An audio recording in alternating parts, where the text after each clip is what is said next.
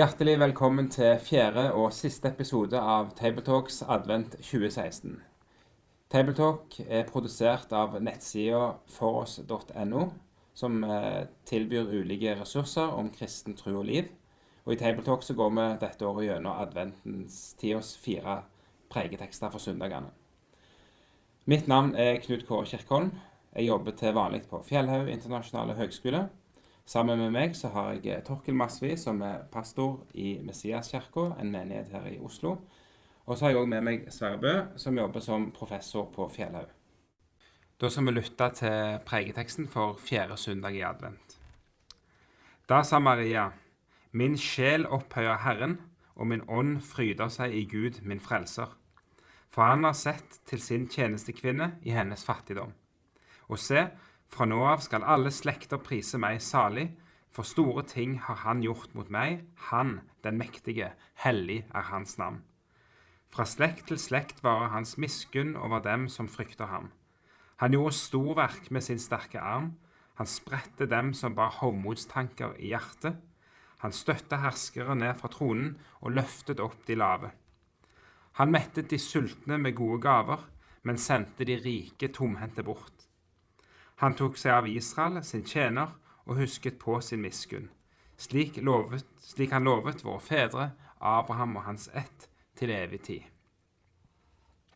Og Nå er vi kommet til fjerde søndag i advent. og eh, Dette er en litt ny tekst til, fjerde søndag i advent, Torkil. Um, og nå er det 'Vi skal ha barn' som er, som er i fokus mm. i denne teksten.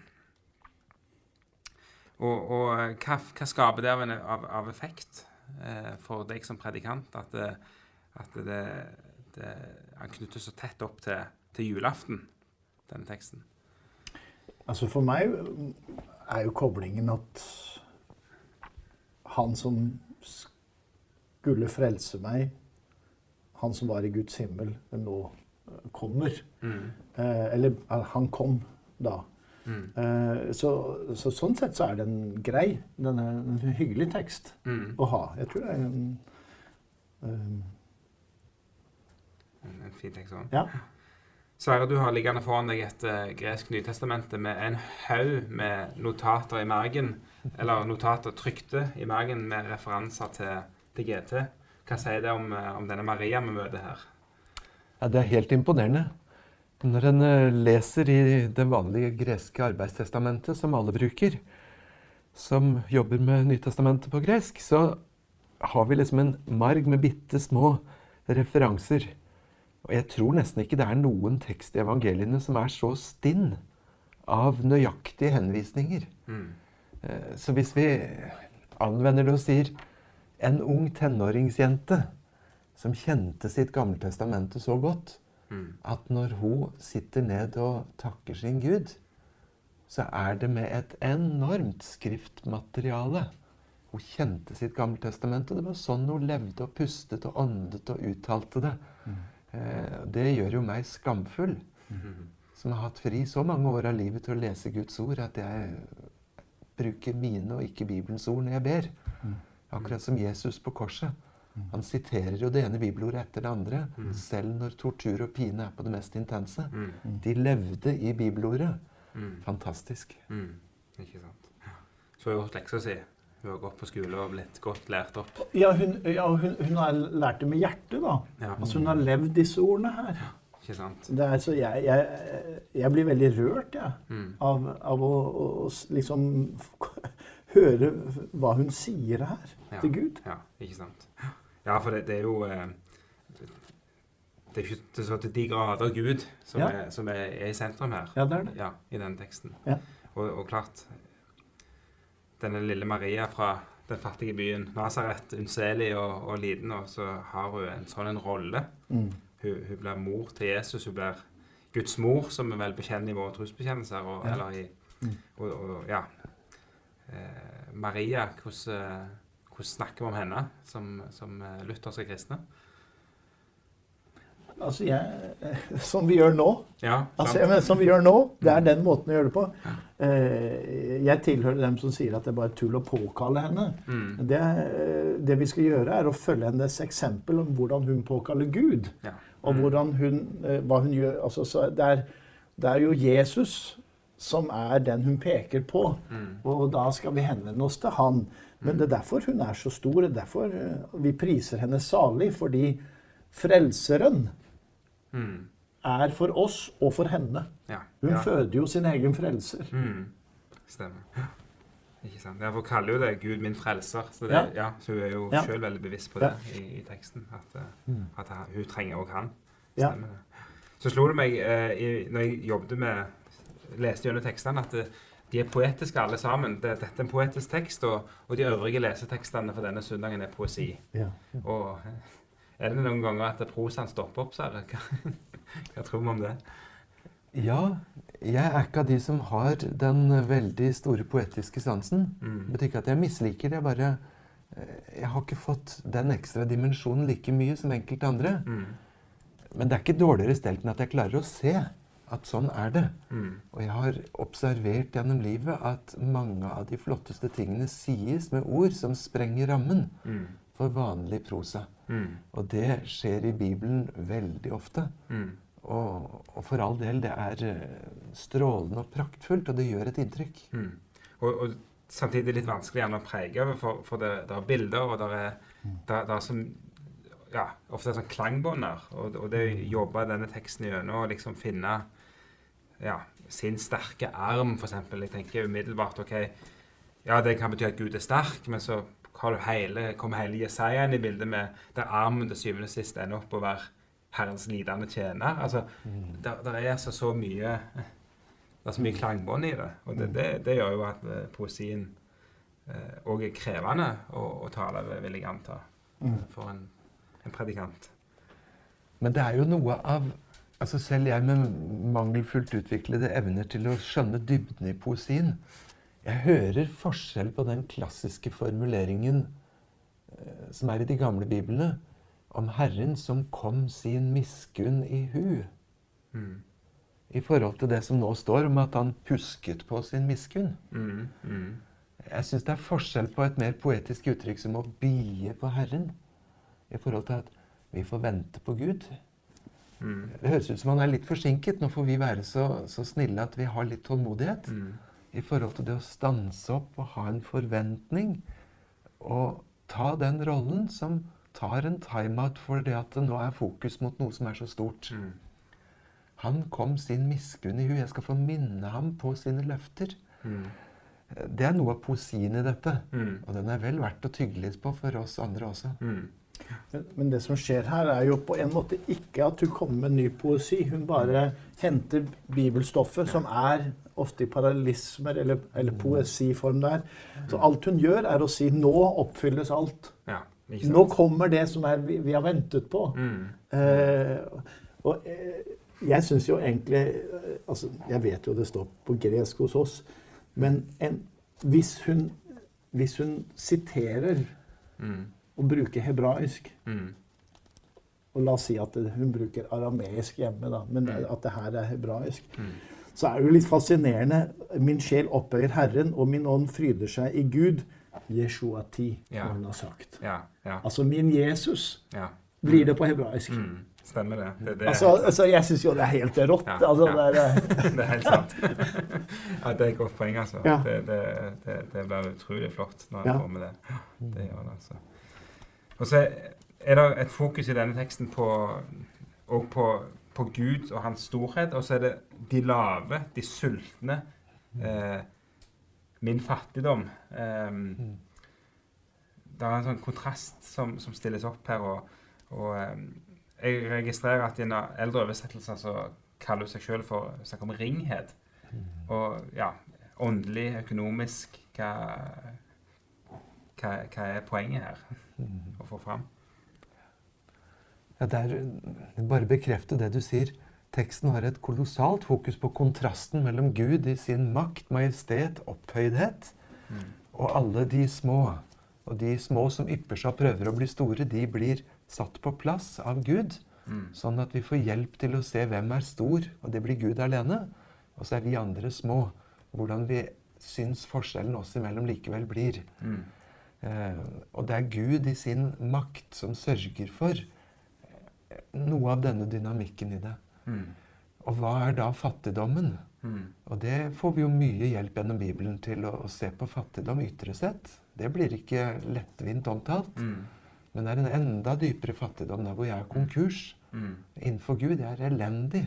Mm. Salig er de fattige i sin ånd. Mm. Nettopp den som er konkurs på sine egne ressurser. Mm. Men det er ikke Gud, for han er rik nok. Ja. Mm. ja, det er et uh, verdifullt poeng å, å løfte fram i en tale og, Mhm. og få, få fram. Altså. Og så er det jo også den, denne koblingen til mot slutten av teksten, altså med det, det løftene som er oppfylt nå. Uh, og, og jeg syns det er interessant å reflektere over det. Altså, denne unge jenta som har fått englebesøk og, og hatt nå på seg eh, tre måneder til å reflektere litt over dette her. Eh, eller ikke det engang. Hun er knapt kommet i gang. Og så, og så eh, virker som allerede begynner å se konturene av, av hva som er i ferd med å skje her. At det er løftene som oppfylles. Ja, ja, så fordi eh, Nå vet vi jo ikke mer enn det som står her. Mm. Men hun har fått vite i Nasaret Mm. at hun skal bli med barn. Mm.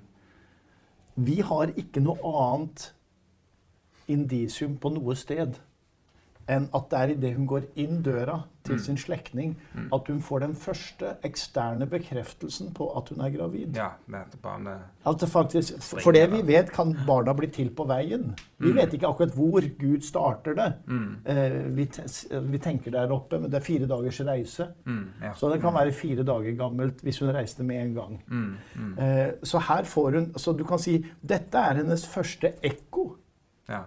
når hun har fått bekrefta av sin slektning Ja. at nå, jeg bærer han nå. Ja. For forrige gang vi hørte noe, var at engelen sa det skal skje. ja. Nå er dette her Det har skjedd. mm. Mm. Ikke sant? Og dette her, det er en liten prikk hun bærer under sitt hjerte. Ja. Og hun kommer Men jeg har én greie til her, der, og det er at vi ikke mister det poenget som er her, og Zakarias lovsang og ellers. Det er at Gud oppfyller sitt løfte til sitt folk Israel. Mm. Og det er jo det som er min lille smerte. Jeg har bodd mange år i Israel. Mm.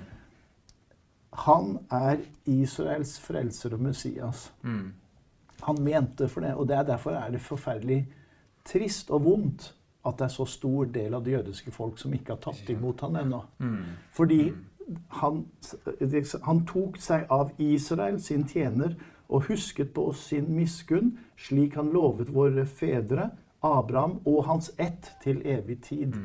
Så, så det er et frelsesløfte og frelsesvilje overfor hans eget folk som ligger her. Og, fordi vi, Gud vil vi skal ta tekstene til oss, men vi skal ikke glemme at det hele tiden ligger i bunnen at han ønsker det samme for det jødiske folk. Mm.